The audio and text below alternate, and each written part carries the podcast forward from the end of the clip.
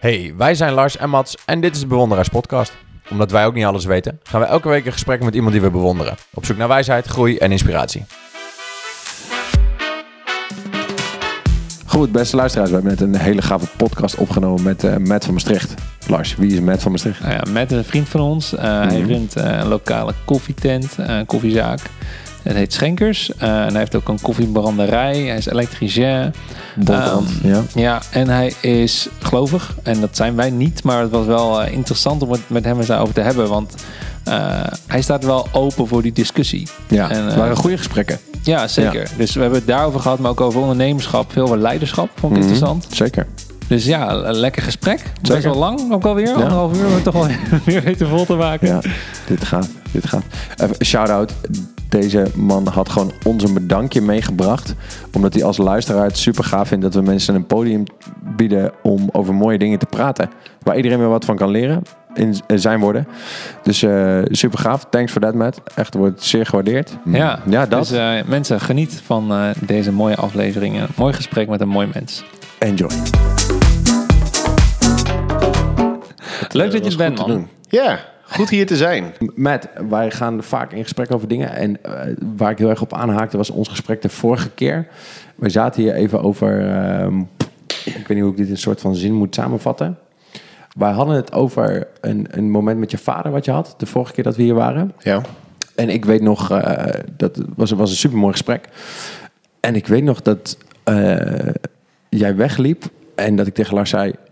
Oké, okay, wauw dit soort dingen was ik echt niet mee bezig toen ik 16 was. Hmm. En ik heb het hier al vaker met je over gehad. En, en um, waar komt die behoefte naar zelfontwikkeling, zeker op zo'n jonge leeftijd, vandaan? Hoe, is dat, hoe wordt dat gevoed? Um, dat werd toen mij gevoed door een uh, heel tof voorbeeld te hebben. Hmm. Er is een gozer geweest, hij heet uh, Johnny Meijering. Hij bestaat nog steeds. Klinkt alsof die. er is ooit een gozer geweest die er nog steeds is. En toen heel erg aanwezig was in mijn leven. Uh -huh. Die voor mij gewoon een uh, enorm voorbeeld was. En die, die guy uh, uh, was leider van een, een, een, soort van tienergroep waar ik bij zat. Mhm. Um, en hij gaf soms onderwijs. Of had yeah. wel een gesprek met je terwijl, je terwijl we in een sperrip restaurant zaten. En dan. Nice kon hij het hebben over onderwerpen zoals uh, identiteit of over um, uh, het verschil tussen. Of nee, een van de dingen waar hij wel eens onderwijs over gaf aan, uh, aan tieners was de truth box. En dat klinkt misschien een beetje kinderachtig, maar hmm. hij zei: iedereen heeft als het ware in zijn leven een, een doos die heet de truth box. Ja. En alles wat daarin zit, dat zie je als een waarheid. Ja. Maar soms kan daar iets in zitten wat niet een kloppende waarheid is. Meer een beleving of zo? Ja, dus stel voor dat jij altijd uh, bent gepest omdat je een dikke hoofd hebt. Mm -hmm. uh, dan kan in jouw truthbox terechtkomen... Waarom kijk je Lars aan als je dit zegt? ja, ik weet nu genoeg. Ja, Oké. Okay. Zoom maar eens even uit, dan valt het niet zo op. dan kun je als een... Uh, gelukkig een breed, uh, grote hoeklens... om mij vast te leggen. Nee, um, dan kan dus in, in jouw... Uh, overtuig in jouw systeem terechtkomen. Mhm. Mm -hmm. ik, schiet, ik schiet tekort, uh, want ik heb een uh, dikke hasses. Of ja. ik, uh, ik, ik, ik zie er niet uit, want dit. En dat ga je echt geloven over jezelf. Ja. Zegt hij, en dan zit dat in een truthbox. Dan heb je altijd het gevoel van dat dat een waarheid is over jouzelf. Mm -hmm. En um, dat het dan heel krom kan zijn... en dat je daardoor dingen in je leven anders gaat doen. Ja. Nou wie is daarmee bezig op zijn vijftiende om dat soort dingen te horen? Nou, hij deelde daarover, uh -huh. waardoor mensen heel erg bewust konden bezig zijn met wat geloof ik eigenlijk over mezelf? En is dat eigenlijk wel waar? Is dat wel terecht? Wat goud om dat op zo'n leeftijd al te leren, joh. Ja, en dat inspireerde mij gewoon heel erg. En uh, soms kon ik er ook echt iets mee, waardoor uh -huh. ik dat echt opvrat. Want in die leeftijd, ja, klinkt cliché, maar het is ook wel echt waar... dat je soms echt een beetje op zoek kan zijn naar wie ben ik, bij ja. wie hoor ik, wat stel ik voor, um, enzovoort. Mhm. Mm -hmm. Ja, dus hij stak me eigenlijk erin aan om over dit soort dingen na te denken en bewust mee bezig te zijn. Cool. Vet. En is dat iets ook wat je overdraagt? Dat hoop ik wel. Ja. Ben je ja. er bewust mee bezig, zeg maar? Of is dat... ja, 100 procent. Ja. Um, ik... Uh, klein verhaaltje. Ik eh, zat op de middelbare school. In die periode dus al een beetje eh, met eh, deze Johnny in contact geraakt. Eh, Mijn leven ging een beetje echt de andere kant op. Heel hiermee bezig, heel serieus. Toen ik iets... Of, en toen ben ik elektrotechniek gaan studeren. En tijdens die studie dacht ik... Ja, ik vind elektrotechniek wel leuk. Maar wat ik heb meegemaakt in mijn tienertijd... Ik wil eigenlijk dat ik een steentje bijdraag... dat andere mensen dat ook gaan meemaken. Juist. Ehm, misschien wel door mij. En eh, toen, heb ik, toen ben ik gestopt met mijn opleiding elektrotechniek. Ben ik bij ons naar de kerk gegaan. Zei ik, yo, kan ik vrijwillig eh jongerenwerker hier worden? Ga, ga ik Oh, gratis doen. Ja. En ik denk dat dat het allernuttigste is waar ik mijn tijd aan kan besteden. Dus toen was ik twintig of zo. Vet. En ehm, Cool, man. Misschien was ik zelfs 19. Ik weet niet. Ik was best wel jong. En, ehm, eh, en toen dacht ik, ja, wat, wat ik niet heb meegemaakt in de kerk, maar ergens anders. eh, dat hoop ik dat de volgende generatie dat wel meemaakt. En eh, toen ging gewoon alles, alle knowledge die je hebt opgedaan of inzichten, die ga je gewoon proberen te delen Ja. met andere gasten. In de hoop dat ze dat ook boeiend vinden en behoefte aan hebben. Ja, dus dan probeer ik dat wel echt heel bewust te doen. Ja, dat. Oké. En in je, in je... Gebeurt dit ook op je werkvloer? Of binnen je bedrijf? Ja, dit gebeurt overal waar eh, mensen zijn. eh, kom je gewoon kansen tegen om. Of nee, kansen tegen. Ehm, wat ik bijvoorbeeld boeiend vind eh, op, op werk is. stel voor. Ja, de- dus voor mensen die niet weten wie ik ben of wat voor werk ik doe. Ik heb nu een horecazaak. En bij horeca hoort gewoon feedback aan het Ja. einde van je shift. Je hoort te krijgen als het goed gaat. Ja. En ook om te horen wat eh, beter kan. En het is helemaal niet erg om te horen dat iets beter kan. Nee. Want dat kan zijn van... eh yo, je kan je looproute wat efficiënter doen. Of eh, hou je dienblad voortaan zo vast, dat is iets stabieler. En dan zie je gewoon een groot verschil tussen of iemand dat hoort als... oh, dat is een, een ding dat ik doe... eh, waar ik de volgende keer anders kan doen. En je ziet dat iemand precies dezelfde feedback krijgt en denkt: wow, shit, ik, ik schiet ergens in tekort. En Ja. je zie je helemaal rood worden en helemaal stil en timide. En oh ja, oh, het spijt me echt heel erg. En dan, dat is een moment waarvan ik dan denk: ah, volgens mij koppel jij wie jij bent aan wat je doet. Juist. En dat moet je niet al te veel gaan doen. Nee. Want dat jij eh, je looproute niet efficiënt deed, dat zegt niks over of jij waarloos bent. En mensen kunnen dan, een beetje als karikatuur ga ik het nu zeggen, maar Mhm. mensen kunnen in een systeem hebben. Zie je nou wel, zelfs dat kan ik niet goed doen. Ja. Oh, ik schiet weer tekort. Typisch iets voor mij. Oh ja. Ja. Terwijl dat is het niet. Je bent gewoon, die persoon is gewoon een topper, is lekker bezig, is een waardevol persoon. eh, weet niet dat je die route slimmer kan lopen. Ja, dan vind ik dat een moment van, oh, dit moet je loshalen van elkaar. Ja. En dat ligt voor mij heel gevoelig, omdat ik daar zelf doorheen ben gegaan. Ja. Ik mocht een keer niet meer drummer zijn eh, bij die eh, groep waar ik eerst bij was, dat, dat jongerenwerk. Dat was een band, ik was drummer, jarenlang was ik drummer. En drummer zijn is eh, gaaf, zeg Awesome. maar. Ja. Wow, hij is de drummer van de band. En toen eh, begonnen we een nieuw jaar en we Ja, hadden je lacht Lars, maar die zegt toch. Ja. Ja, nee, nee, nee, ik snap Hebben we zo nog een anekdote over? het. Ja. Lars die zich voordeed als drummer? Oh, Nee, ander verhaal. Ander iedereen verhaal. wil een drummer zijn. Oké, maar eh het was een start training weekend. En toen was het Johnny, die, of iemand die zei van... Oh ja, Matt, ehm, dit jaar wordt, eh, gaat Patrick drummen en niet jij. En toen... ehm, en Patrick is een goede vriend van mij, maar dat maakt het verder niet uit. En toen, ik werd helemaal naar en verdrietig en boos en een gevoel van onrecht en weet ik veel, ik werd helemaal naar van. Ja.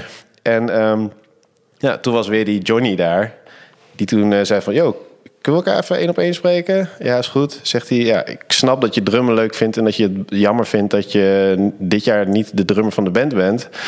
Maar ehm, het doet wel heel erg veel met je. Ja.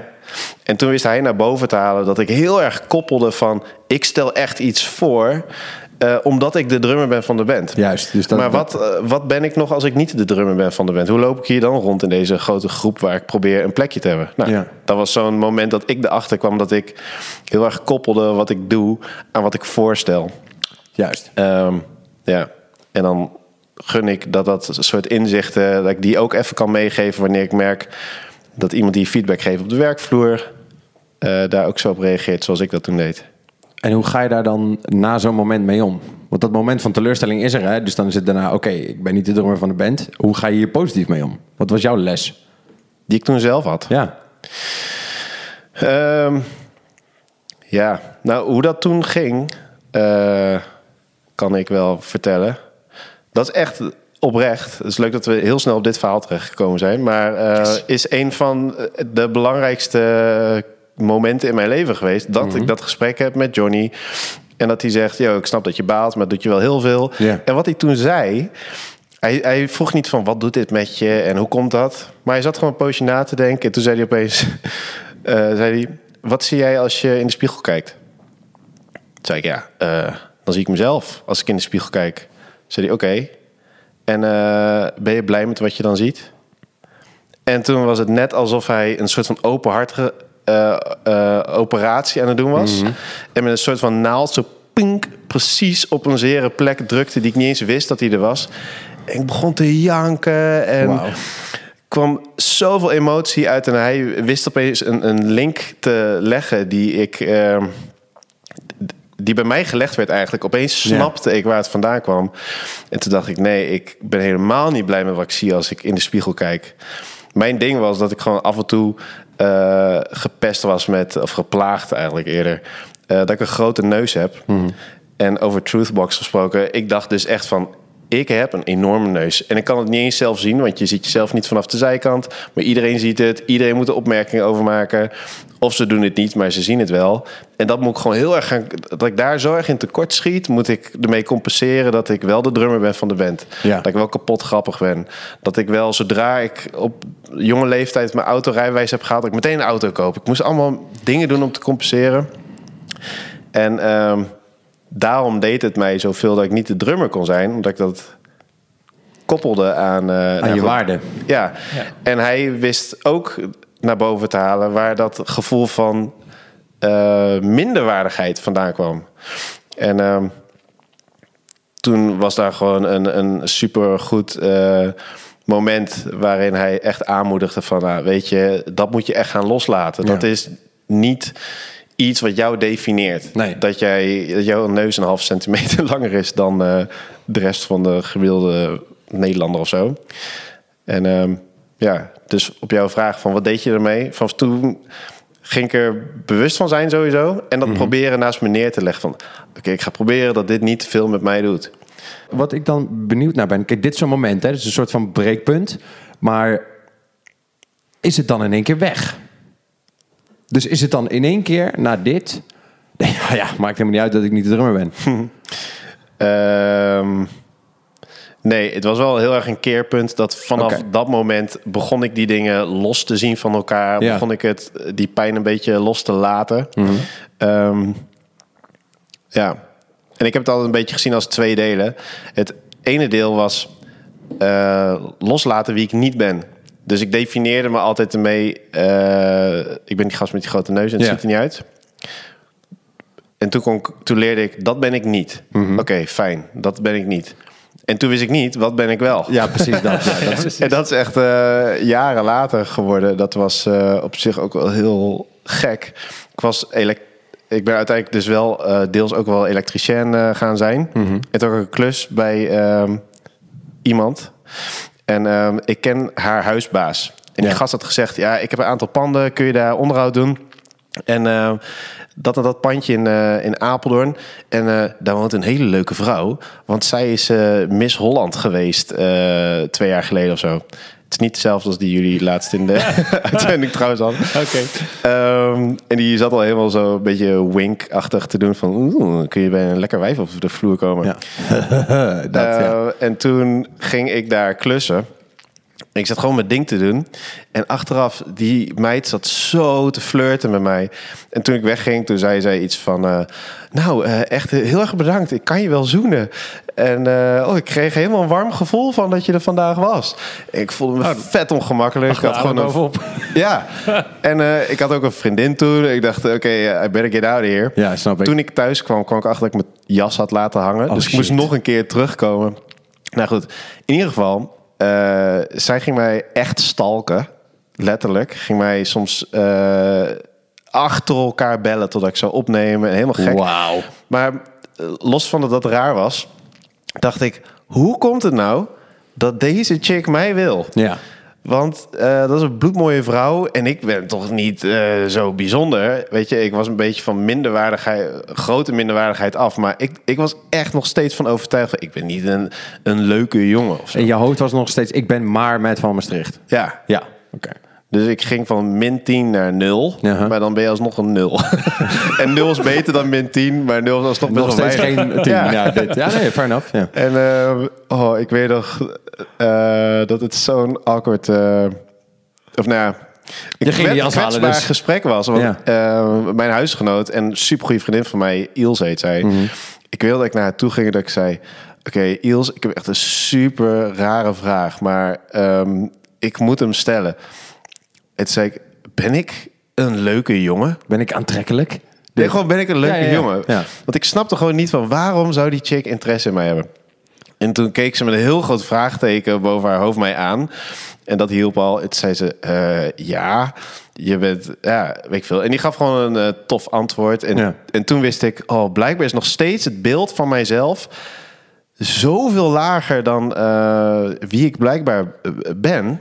En toen ben ik gewoon dat gaan proberen eh, toch wel te pakken. En Ja. ja. hoe ga je dan daarachter komen? Nou, en dan helpt me geloof heel erg. Dat ik echt, eh, en dan bid ik, God, u hebt mij gemaakt. U weet wie ik ben. Mhm. U weet ook wie ik niet ben. Eh, u hoeft mij niet te overcellen naar mezelf. Maar help mij gewoon om mijzelf te zien zoals u mij ziet. Ja. En ehm, ja, en toen, ik heb het gevoel dat ik vanaf dat moment echt een gezond persoon begin eh, ben gaan worden die Mhm. een, een gezond zelfbeeld had. Hoe, ehm, ja, ik ben niet religieus, maar ik heb ook wel eens een keer een stemmetje in mijn hoofd dat iets zegt. Alleen ik, ik geef daar niet de betekenis God aan, maar iets anders. Ja. Ehm, maar hoe eh, is het voor jou duidelijk dat het dan een God is? Of dat, dat je dat op dat moment nodig hebt? Ehm, ik weet het nooit 100% zeker. Oké. Ehm, maar if it makes sense, als ik jou iets hoor zeggen terwijl ik geblinddoekt ben en Mats, dan hoor ik wel een verschil, want je herkent, je herkent stem. iemands stem, Ja. geluid. Ja. En zelfs dat die stem in je hoofd, zeg maar. Soms heb ik het idee dat ik het stemgeluid als het ware kan eh, aanvoelen van... Oké, volgens mij is dit echt God die iets tegen mij zegt. Ja. Terwijl ik soms natuurlijk ook echt wel gedachten zelf heb. Dat ik denk, oh, dit klinkt wel heel erg als, als ik zelf. maar soms weet je het gewoon niet. Ja. En dan denk je, ja, moet ik hier nou wat mee? Of zit ik als het ware deze stem in mijn eigen gedachten te projecteren? Ja, en dat is... Ja, achteraf zie je aan de uitkomst denk ik een beetje wat het was. Oké. Hoe bedoel je dat? Aan de uitkomst? Want laat me zeggen, eh, sorry dat ik je onderbreek. Eh, of dat ik je rem voor... Dat je begint. Ga, ga gewoon door. Ja. De deurbel gaat. Daarom zijn we heel even afgeleid. Maar, oh ja. Ja. Heb je vaker geknipt in, eh, in opnames? We knippen nooit. En ik vind ook niet dat we dat moeten doen, wat er ook gebeurt. Ook dit. Ik vind dat... De uncut version. dit, dit is ook, om te zeggen... Joe Rogan was de laatste podcast aan het doen. Dan moet, ja, hij spreekt dan ook zelf de reclames in. En toen sprak hij de reclame verkeerd in. Dus echt zo, fuck, tussendoor. En toen ging hij het opnieuw inspreken, maar dan goed. Maar ook dat slechte gedeelte van de reclame... waar mensen Toch wel Ja, dat is echt super tof. Ja, hij vroeg net, knippen jullie? En toen zei ik nee. Ik zei, ik vind eigenlijk ook dat we dit niet moeten knippen. ik weet nog niet wat... eh, Nee, vrienden die gaan eh, op fietsvakantie twee weken en wouden even doei zeggen. Oh, wat lief. Oh. Dus dat is tof. Maar, cool. ehm, Beter dat je wel open gedaan hebt. ja, zeker. Nee, tuurlijk. Je altijd open als het de bel gaat. Deal. Tenzij het stalkers zijn. ja. Tenzij het Miss World is. Of eh, Miss Nederland is die je stalkt. Oh, goed. Maar ehm, Hoe weet je aan de uitkomst welke stem? Dat was je vraag. ja, ja, wat Ja. Is de, ja, wanneer is de uitkomst ehm, goddelijk? Ja, ehm, ja, soms kom je daar niet achter. Ehm, ik heb één keer gehad. eh, Dit is gewoon een leuk. eh, Dit is gewoon een heel bizar verhaal. Maar wel dan leuk om te zeggen. Eh, ik werkte als ZZP'er elektricien. Voor iedereen die denkt, huh, hij stopt toch met elektrotechniek. Na het jongerenwerk ben ik alsnog eh deeltijd elektricien als ZZP'er gaan doen. En soms doet hij nog steeds metakasten. De filmpjes op Instagram zijn hilarisch. Hilarisch. Met de hoogste tijd dat ik weer eh Ja. groepkast kapot maak. Ja. Maar ehm, ik was... Als je hierover gaat podcasten, heet het dan groupcast. Groupcast. Dit is wel geinig. Could be. Oké, let's have some fun with this idea. Maar En door. ik heb een grote Renault Trafiek. Grote bus vol met gereedschap, materiaal. Ik ben bezig bij een klus.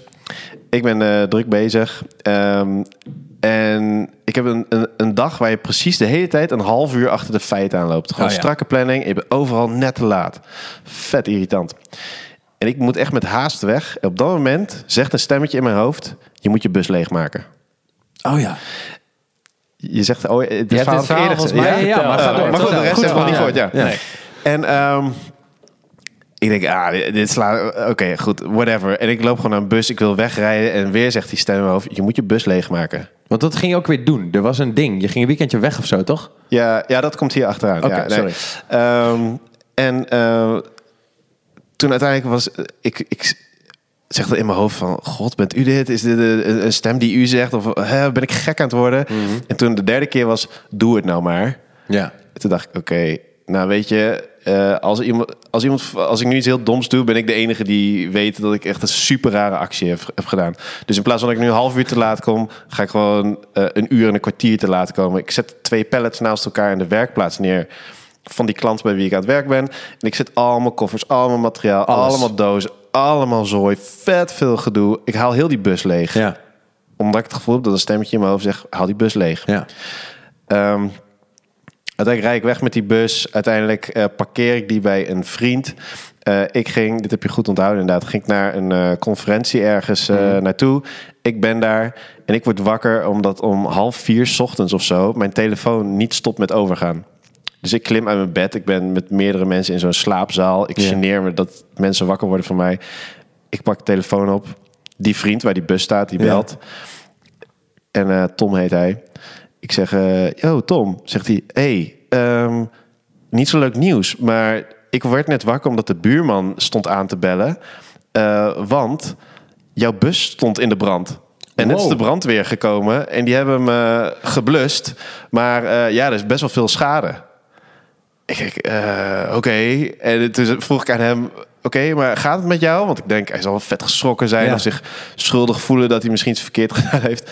Hij zei, ja, mij gaat wel goed, gaat goed met jou. Ja. Ik zei, ja, ja, weet ik veel. Het Ja, is maar een de bus, bus. weet je wel. Ja. Het zal wel. Ja.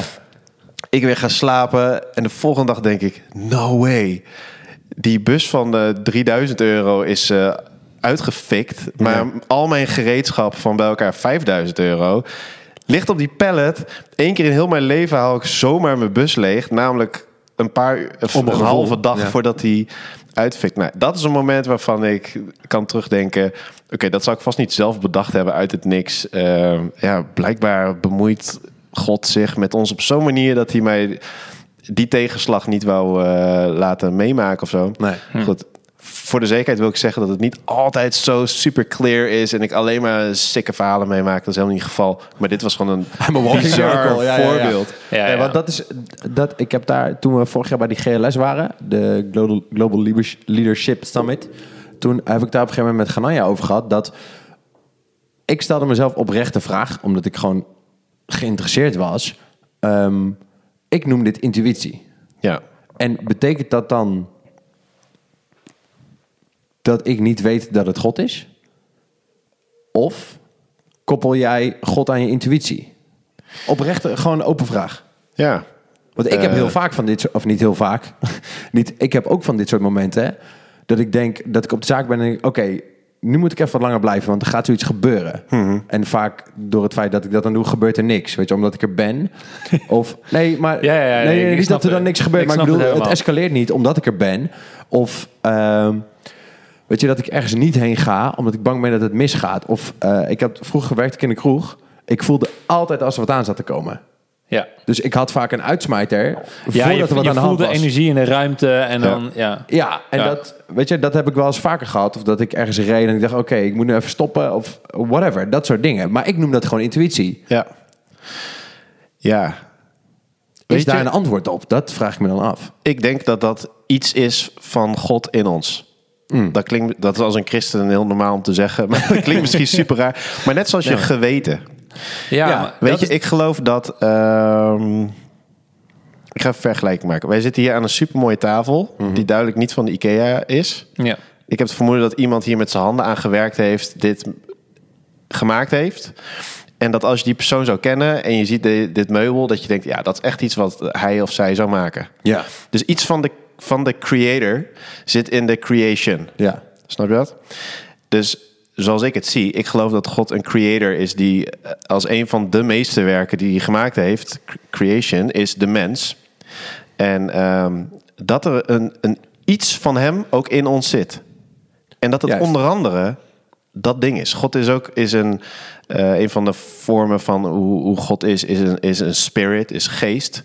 En wij als mensen hebben, we, zit, we hebben een fysiek lichaam, we hebben een ziel.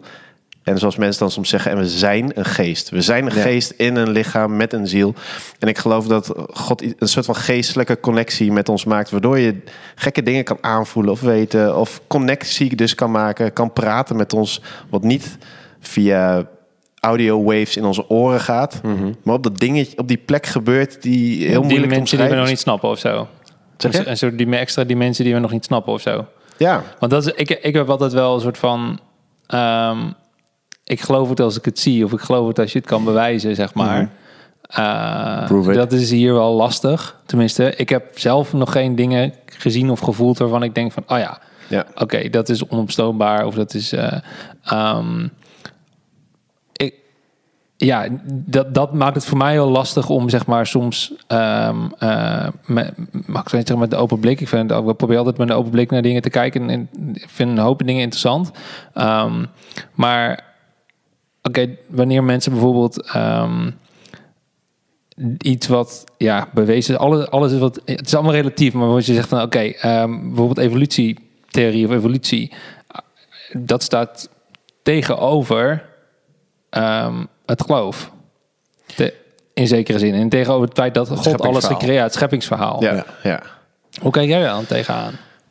Ja, hoe ik dat zie. ehm, dit is niet helemaal mijn cup of tea om heel veel te weten over biologie of natuurkunde of weet ik veel. Aha. Maar, en laat ik ook even mee beginnen dat ik 100% geloof in het.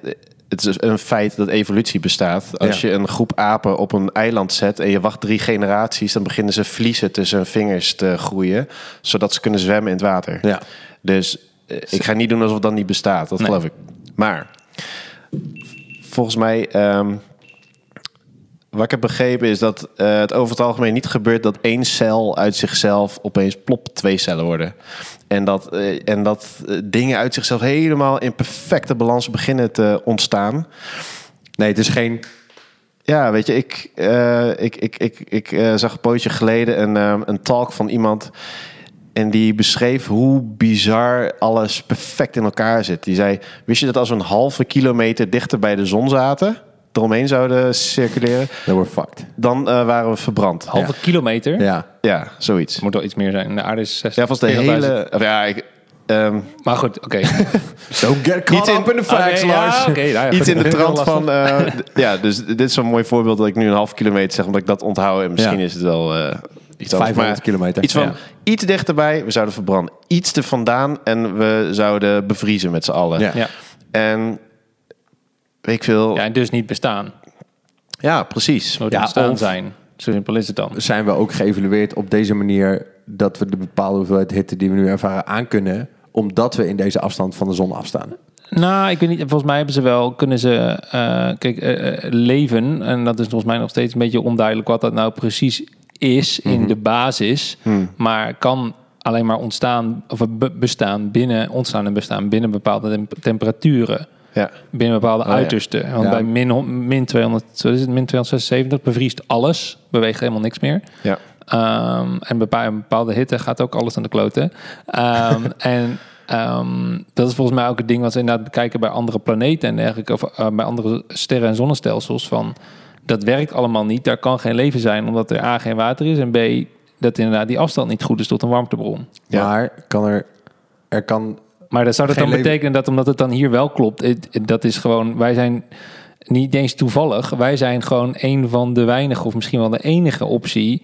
eh, of, ehm, eh, waarin dit precies klopt, al die variabelen. Maar betekent dat dan dat, dat, dat iemand dat bedacht heeft en geregeld heeft? Of betekent dat dat dat gewoon simpelweg ehm, Gebeurd ge- is. Nou ja, het is niet alleen gebeurd is, gewoon uit het feit dat je miljarden opties hebt, moet er wel eentje precies zo zijn Een keer. Dat een keer precies- gebeuren. Ja, en, ja. en tuurlijk, wij zitten daarop, omdat omdat wij, en dan, dat, dat is de enige waarbij het zo gaat. Dus dan Ja. is dat logisch dat we dat, dat, dat die zeg maar degene zijn die daarop terug kunnen kijken. Er zijn niet planktonnen op een andere, weet je wel, niet, er is niet een niet-leven op een andere planeet wat dan er wat van kan vinden dat het daar wel is. Dat Ja. is er namelijk niet. Of we hebben ze nog niet gevonden. Nou ja, bijvoorbeeld, zeker. Ik heb dat, volgens mij is dat Theo Maassen die op een gegeven moment zei... Als er toch ander intelligent wezen is dan wij... Als ze minder intelligent zijn dan wij, wat de fuck moeten we hier dan mee? En als ze intelligenter zijn dan wij, gaan zij ons echt wel eerder vinden dan wij hun. Ja, zeker. Snap je? Daar Ja. geloof ik sowieso in. En dan gaan ze waarschijnlijk zich ook niet bemoeien met ons, want Of dat doen ze al. Dit weet je niet. dit is waar. Maar goed. Ja, Ja. kijk, wat, wat mij helpt in, in dit gedachtegoed, want inderdaad, als je, weet ik veel, je gooit een dartpijltje precies in de roos, maar nu ga je proberen met een ander dartpijltje het andere dartpijltje te splijten, weet je wel? Oh ja. Die kans is super klein als je dat eh, zelfs al expres probeert te doen. Ja. Maar als je 100 miljard keer mag proberen, Ja. misschien lukt dan wel. De kans wordt in ieder geval groter. Maar en, en wat dan bij mij helpt om te beseffen dat niet alles een toeval is, is omdat ik dan wel heel veel om me heen zie. Ik, ik liep Ja. laatst langs een parkje en dan zie ik een supergrote boom. Denk, wauw, dit, die boom was ooit een piepklein zaadje. Ja. Die groeit exponentieel, weet je wel. Die wordt, weet ik veel hoeveel keer zijn eigen massa. Blijf maar groeien, blijf maar groeien. Tot een bepaald punt en dan, dan zit er een limiet aan of zo. Dan stopt hij een beetje met groeien. Je hebt geen bomen van kilometers hoog. Nee. Echt van perfect design. Dat ding moet, moet lekker snel groeien en nuttig Ja. zijn. En op een gegeven moment is het dan weer klaar. En dieren groeien, groeien. En op een gegeven moment hebben ze een, een punt bereikt. En, en allemaal dingen die perfect in balans zijn. Dan krijg ik het idee van, wauw, hier zit een design in. Dit is helemaal zo bedacht dat dit zo moet gaan. Ja. Ehm, en, en dat ik een design zie, is voor mij een bewijs dat er een designer moet zijn. Ehm, of wij hadden toevallig dat de mens precies die toevallige creatie is, die zichzelf kan voortplanten en waar twee geslachten uit ontstonden. Die, en ga zo maar door hoe ingewikkeld we in elkaar zitten als we een wondje hebben, dat het vanzelf geneest. Maar dan had- was het nog wel heel toevallig geweest als we dat ook zien bij planten die ook perfect dat het zo gaat. En dat Ja. er wolken Ja. zijn die, eh, eh, die een, een hele, heel groot watersysteem op de wereld eigenlijk zorgen dat daar weer water omhoog gaat en daar weer valt. En dan door, het is zo perfect uitgedacht. Ja. Er hoeft maar iets mis te gaan en alles zou aan stront draaien. Maar dat Ja, we, doen, we doen ook aardig ons best. We doen om aardig, ja. boven te We proberen te zijn. Ja, maar in, in, in Ja. dat opzicht, als je de, de mens aan zich pakt, dat, dat, je hebt het net over die boom die groeit bij een soort van design. Weet je wel, ik denk dat de rem voor de groei van de boom ook zijn omgeving is. In de zin dat, je ziet het toch in oerwouden, Ja, dat, dat die, er is gewoon niet genoeg voeding op een gegeven moment, bijvoorbeeld. nou ja, dat. Ja. En, eh, eh, maar net als met de mens, de mens werd pas ouder toen wij de omgeving of het design van het voorbestaan van de mensheid verder lieten groeien. Dus de mens werd ouder omdat, eh, omdat hij gezonder te eten kreeg, dat beter ging onderzoeken, er betere medicijnen zijn, betere ziekenhuizen, et cetera. Dus in, in dat opzicht vraag ik me dan af, wie is dan de designer? Snap je? Zijn we dat Ja, zelf? er, zijn Met z'n allen? Laat me zeggen, in, in beetjes? Begrijp je wat ik... er zijn ook een soort van natuurlijke systemen hè, van... ja, ja, die, zijn- ja. zeg maar, waarin, zoals bijvoorbeeld dat- van een bepaalde balans, wat er bijvoorbeeld is op een vrije markt van vraag en aanbod, maar wat er ook is in de natuur van bepaalde dieren die eh, biomassa die weer gerecycled wordt en dat soort dingen. En, en heel veel van dat soort dingen zijn uiteindelijk terug te leiden naar wiskundige formules. En dat vind ik dan bijna Bizar. geloofwaardiger dan. ehm, of interess- ja, interessanter, zeg maar. Een soort van logischer verklaarbaar, laat ik het zo zeggen. Ja, maar dan- Omdat ik dat kan meten en zien. Ja. Maar misschien is dat ook. ehm, hoe zeg je dat? Misschien ontstaan dit soort formules ook naar onze behoefte voor de verklaring van alles. Dit is misschien waar. Dus door. door me zeggen, omdat je vindt dat je moet weten waarom. Dat er dus mensen die zijn die slim genoeg zijn om te bedenken waarom. Snap je? Want Ja. de- het trickje aan een wiskundige vind ik altijd dat hij zijn eigen formules kan bedenken. Ja, maar het is altijd te testen of het klopt of niet. Dat Ja, is nou dit, juist het dit- mooie ervan. dit klopt, maar als je hem Een zelf... ander kan het testen. Ja, dit is lastig, want ik kan hier niet diep genoeg op ingaan... omdat ik te weinig van wiskunde weet. Nee, het mooie is dat het altijd... Ik, ik snap ook niet heel veel van... Ik, kan, ik ben niet absoluut geen wiskunde, helemaal niet. Mhm. Maar ik weet dat het mooie ervan is... is dat het eh, volledig objectief is. Ja. Dus maar als jij iets test, en dat is ook het mooie van als het goed is, functioneert wetenschap op een manier dat je ehm, dat iedereen elkaars theorieën en concepten kan testen en aanscherpen en onder, onderuit halen. En Ja. dan aan de hand daarvan weer iets nieuws. En zodat het uiteindelijk steeds beter en beter wordt. Juist. Dus je kunt wel inderdaad iets, zeker iets verzinnen, maar als het niet klopt, dan eh, krijg je dat snel genoeg terug. Nee, fair enough, fair enough.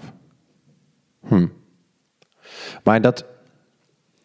Kijk, we hadden het er net over dat... dat ik wil zeggen dat je geloof lastig vindt, maar dat is het helemaal niet. Maar dat je altijd een soort van een antwoord erop moet hebben. Is de basis van het geloof niet gewoon geloven? Dus dat het... Kijk, in, in, in, in, in de stem die je hoort, die iets goeds brengt... Ja. maakt het aan het eind van de dag uit wie het is. Maakt dat uit? Ehm, nou, ik zou die persoon dan wel willen leren kennen. Ja, honderd punten. Ja. En zeker als er een God is. Maar ik bedoel, als. Oké, stel je ervoor dat er in jouw hoofd en in mijn hoofd en in zijn hoofd een stem is die ervoor zorgt dat we goed doen. En mijn vraag is: maakt het uit of dat God is of intuïtie? Omdat uiteindelijk komt er iets goeds uit voort. Ja, dit, het is positief. Net als, laat me zeggen, of je nou gelooft in, in Jezus of Mohammed eh, en de brenger van een boodschap. Ja, Did you get the message? Snap je wat ik bedoel? ja, ja, ja. ja, ja. Dus, dus is het dan. eh, eh, Nou, ik denk misschien niet voor jou, voor, voor mensen die, zoals jij en ik, die Ja. niet religieus zijn. Dan Mhm. gaat het om de boodschap. ja. Ik kan me wel voorstellen dat voor met of anderen, dat, dat je wanneer meer waarde hecht aan de boodschapper en niet alleen aan de boodschap, Ja. dat je daar nog weer iets extra's uithaalt. Of schat ik dat goed in? Ja, supergoed verwoord. Hm. Ja. Absoluut, ja. En eh, misschien een beetje een, een, lullige vraag of zo, maar Kom maar. st- stel je nou voor, nee, het is gewoon oprechte interesse, hè? Want Ja. eh, voor de verduidelijking, eh, mensen weten dit niet, maar eh, afgelopen november was dat, ben ik met Matt naar een leiderschapsseminar geweest in Eindhoven. Twee dagen lang met super interessante conferenties van eh, eh, eh, sprekers die eh, leiderschap beoefenen en dit, dit, dit prediken naar de wereld. Maar wel vanuit een soort van geloof, ba- geloofsbasis. Maar de lessen die ik daarin heb meegekregen waren universeel. Ja. Die vond ik minstens net zo interessant als iedereen die wel gelooft. Ja. Snap je? Dus dat, dat, en dit triggerde mij juist om te zien wat geloof kan brengen. En ik ontmoette er heel veel mensen die op een hele jonge leeftijd al bezig waren met leiderschap. En ik vind dat dat echt, dit is iets wat wij missen in onze Ja. dagelijkse cultuur. En als je dat uit een gemeenschap kan halen, of die nou religieus is of niet, Ja. super waardevol. True. Ehm, maar het, dus, don't get me wrong, eh, in, in that way I love it. Ehm, maar mijn vraag is eigenlijk, stel je nou voor dat je straks 50 bent en je komt erachter, of dit nou gebeurt of niet, dat die stem in je hoofd niet God was. Hoe zou je, dat, hoe zou je daar dan tegenaan kijken? Ja, dat zou voor mij een, eh, dan stort soort van mijn wereld in elkaar. Oké. Maar dat, en dat komt omdat het zo belangrijk voor mij is. En ehm, bij heel veel mensen het misschien zullen zien als geloof of als een religie, zie ik dat echt als een relatie met een persoon. Ja. Waarvan ik me kan voorstellen dat als ik eh, naar het, hier naar Maals ga, dat ik echt het gevoel heb van, ah, daar is hij. Ja. Die mysterieuze persoon met wie ik al heel mijn leven probeer afgestemd te zijn en een relatie op te bouwen. Mhm. Ja, en als je dan halverwege je leven erachter komt van ja, dat, dat ding waar je heel erg in gelooft en dat je het idee hebt dat diegene naar jou omkijkt en voor je zorgt en jou kent en eh, weet waar je doorheen gaat, Mhm. die bestaat helemaal niet. Ja, dan is het alsof je. Dan ben je eigenlijk gecatfished, hè? Nou ja, dat weet ik niet. Want als je, als, als ik hem, Oh shit. maar als je hem, als je hem dan terug... Gegodfished. yes. Oh, bedoemd. Ja, dus voor mij zou het echt een... eh, ja, dan ga ik me even achter mijn oren krabben Ja. van... Hè? Wie, wie ben ik dan als ik niet weet van wie ik ben? Ja. Of ben ik... Ja, dan... Ja. Maar zie je Maar het als dan je als dan- een soort vaderpersoon? Of hoe, hoe, is die, hoe is die relatie dan? Of is het niet te vergelijken met iets anders? ja, voor, voor mij is het echt... Ik noem God niet zo snel God of Heer of weet ik veel, maar echt vader. Ja. En dat heeft niet elke christen. Sommige mensen hebben meer met Jezus of met weet ik veel. Een, liever een beetje afstandelijke God. Mhm. Voor mij is het een heel intieme bedoeling. Ja, en als je dan, want je zei net eh, dat je een relatie met iemand hebt en dat je dan een soort van je gecatfish voelt of zo. Shit, wat zei je nou net? Fuck. Ja. Waar wil je Je, naartoe? nee, nou ja, wat ik wilde vragen is, je, ge- je geeft soort van aan dat als je daarachter zou komen, dat je een deel van jezelf een beetje kwijt zou raken. Betekent dat dan ook, als je nu in de spiegel kijkt, dat je ook iemand ziet die gelooft? Ja. Oké, is de gelovige in dat opzicht dan niet hetzelfde als de drummer? Eh, wat bedoel je daarmee? Nou, wat ik daarmee bedoel is dat in het ergste geval kom je erachter dat de stem die je hoort eh, je intuïtie is. Dus dat ben je zelf. Dus Ja. het enige waar je dan in positieve zin achter komt, is dat de relatie die je altijd hebt onderhouden met de persoon is geweest die het dichtst bij jezelf staat. En dat ben jij. Dus is in dat opzicht, eh, net als dat jij jezelf een drummer vond, omdat dat belangrijk was voor je. Eh, vind jij jezelf ook een gelovige, omdat dat een belangrijk onderdeel is van je leven. En als dat wegvalt, Oh, ben jij zo, dan ja. een mindere mens. Ah, ik denk dat ik nu snap wat je Snap je? bedoelt. Ja. Interessant. Ja, goede vraag, Mats. Bedankt. Ehm, Nu kijken of ik een goed antwoord kan geven. Ja. Voor mij is dus een, een verschil tussen de periode dat ik dacht... eh, ik ben een drummer. Ik Mhm. ben eh, een bezitter van een auto op een jonge leeftijd. Of een ik ben ondernemer. Ja. Ik ben iemand die op een festival rondloopt met een portofoon... en een hesje waar crew op staat. En ik mag overal heen lopen. Dat zijn allemaal van die dingen... Oh, dat voelt zo lekker, hè? Sorry voor iedereen die dit niet weet. Dit is echt de shit. Ja. Als je dan ook nog een gator hebt en een multitool Oh. en een schroevendraaier op je broekzak. Je Dan bent echt de ben je baas. de shit. Ja. Ja. Dus weet je, ik vind dat super herkenbaar. ehm, dat je die dingen koppelt. Nou, dat heb ik al toen straks gezegd. Hoef ik niet nog een keer te vertellen. Ehm, en wat nu, nu is het niet zo dat ik, eh, dat ik probeer dat los te laten en te zeggen: wie ik nu ben, is ik ben een gelovige. Nee, zo is het helemaal niet hoe ik het zie. Nee. Ik geloof dat er een ander persoon is die zegt tegen mij: ik weet wie jij bent. Juist. En ik wil jou wel helpen om te weten wie jij bent. En ik durf te zeggen als je iets eh, beter niet kan doen. Mhm. En ik ga jou bevestigen en bemoedigen wanneer je iets wel kan doen waarvan je denkt dat je het niet kan. Of waar, waar je te bang voor bent om te doen. En dus ik identificeer me niet mee van ik ben een gelovige en dat is wie ik ben. Nee, ik geloof dat er een, een, een ander persoon is. Ja, ik ben, ik ben geneigd om dat te zeggen. Ik weet van wie ik ben. Nou ja. En ehm, dat helpt mij heel erg, omdat ik het niet kan in mijn eentje. Ik kan wel iets doen in mijn eentje, maar dan ben ik bijvoorbeeld niet waar ik nu sta in mijn leven. Nee. nee, maar ik denk ook dat dat goed is. Sorry. eh, ehm, Ja. eh, dat, ik heb dit bijvoorbeeld met, met eh, coaches of leidinggevenden waar ik voor gewerkt heb. De bevestiging dat je op de goede weg bent. Iemand die je kan helpen. Iemand die, je- die je Ja. vooruit bruist. Ja, ik denk dat dat iets moois is. Los van in welke vorm je dat vindt. Dus ik denk dat het altijd waardevol is. 100%. Ja. Dat kunnen we van iedereen waarderen als het wordt gezegd. Ja, zeker. En van andere personen eh, komt zo'n compliment of bevestiging weegt zwaarder Ja, eh, dan, ehm, van jezelf.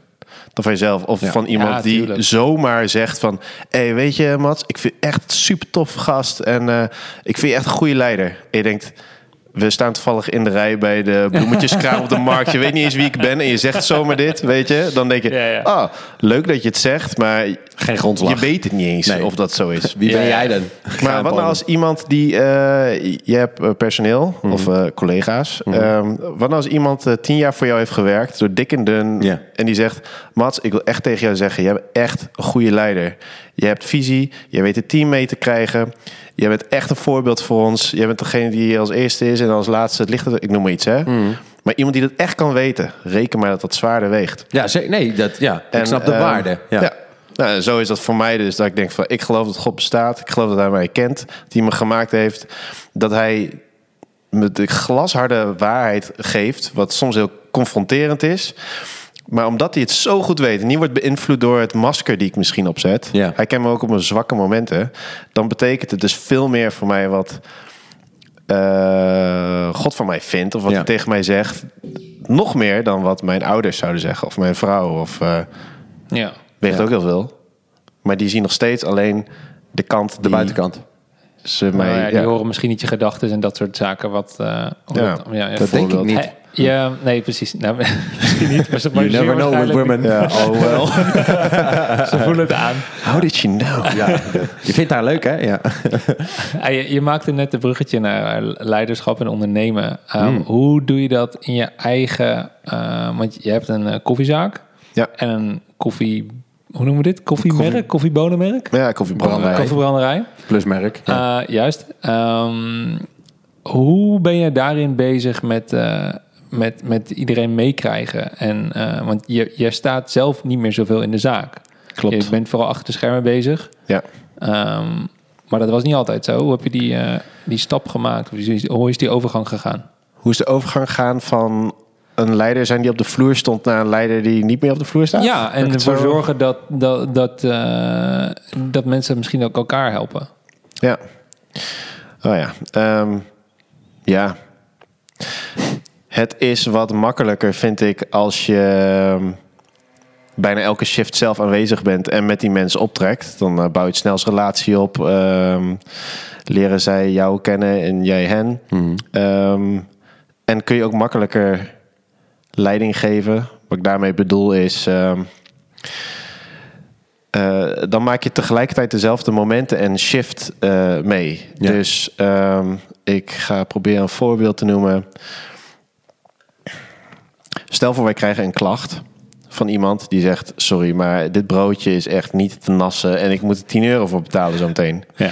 En dat, zegt, en dat zegt die persoon tegen mijn collega. En mijn collega zegt: We krijgen normaal altijd alleen maar complimenten over dit broodje. Die gast is niet 100 volgens mij.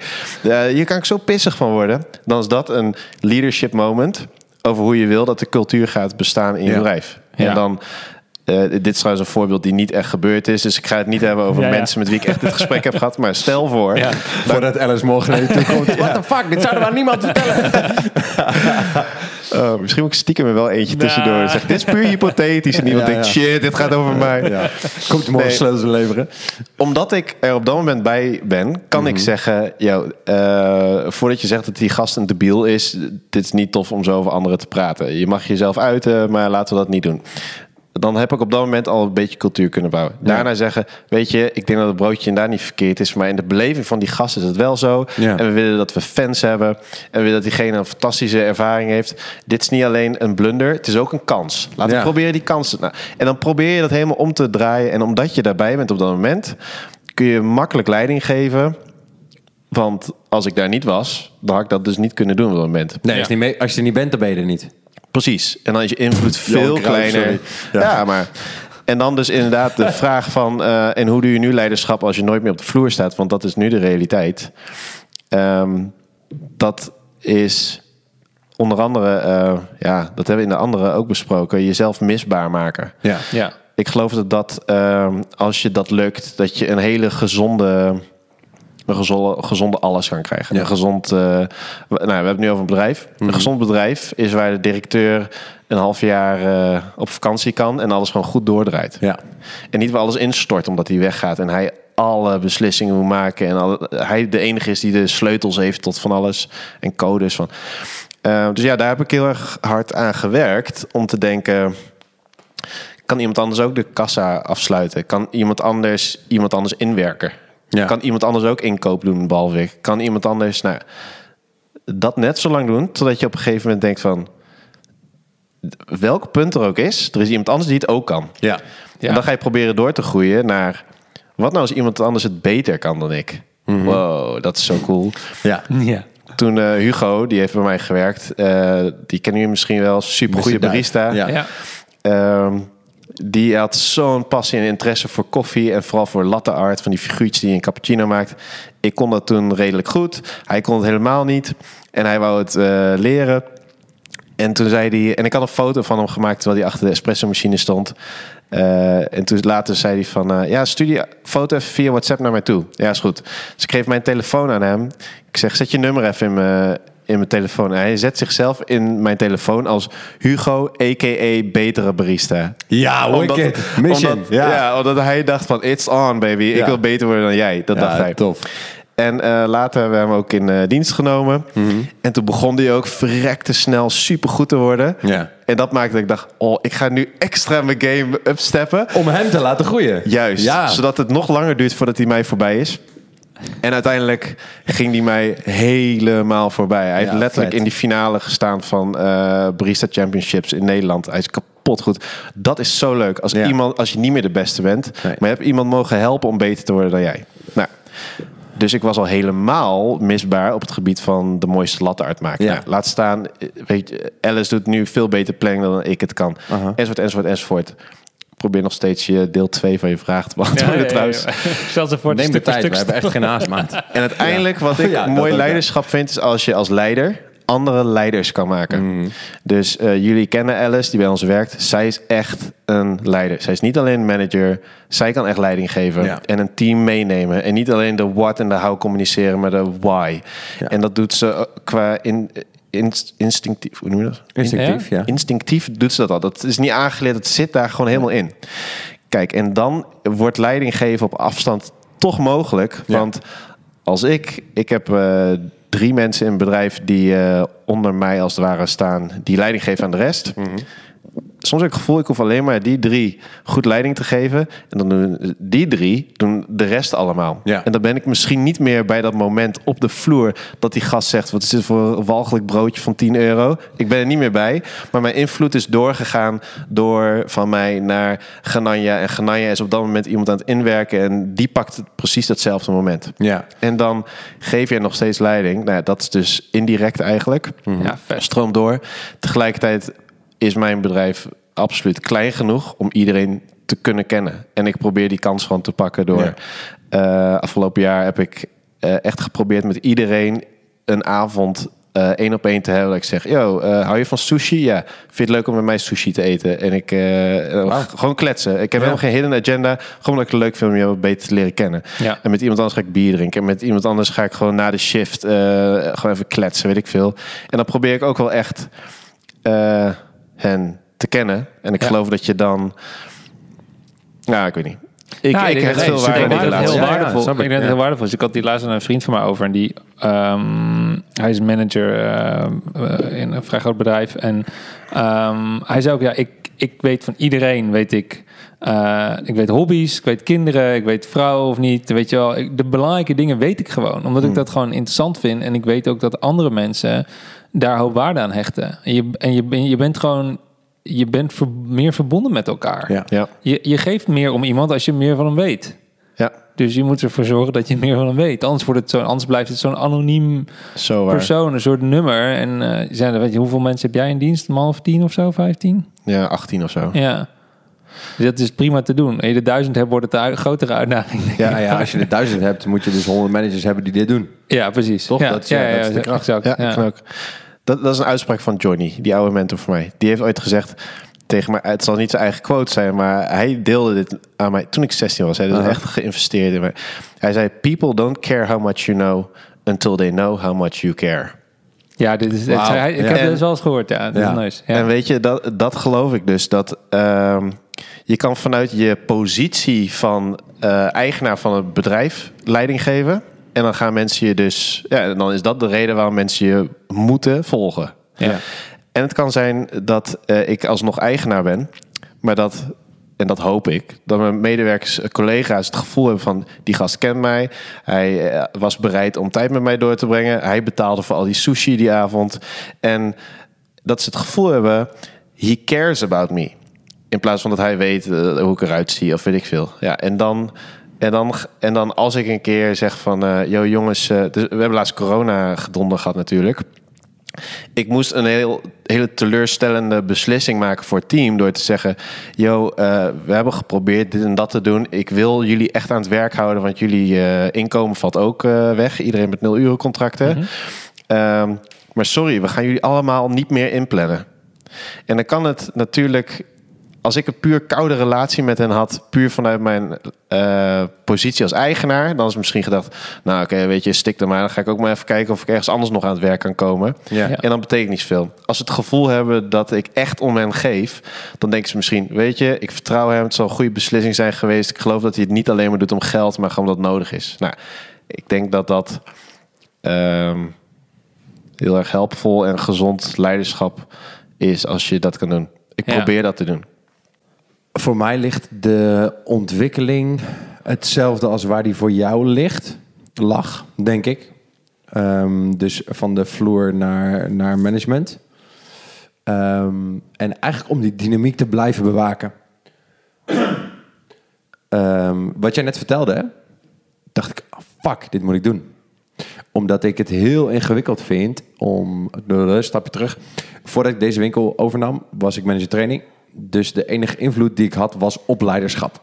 Dus ik kwam ergens binnen en ik kon twee dingen doen. Ik kon in de twee weken die ik met iemand had, kon ik heel veel tijd investeren in alle mensen die daar waren.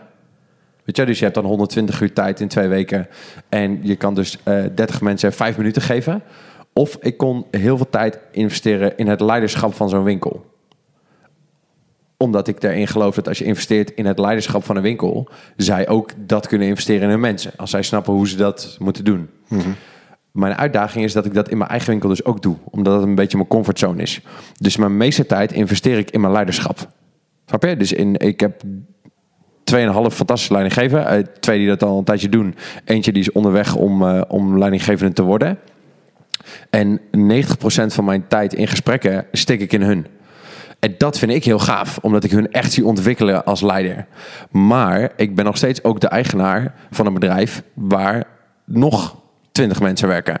Waarmee ik ook contact heb en moet hebben. Want ik heb ze in dienst en als je het over contracten hebt, moet ze je inderdaad ook vertrouwen.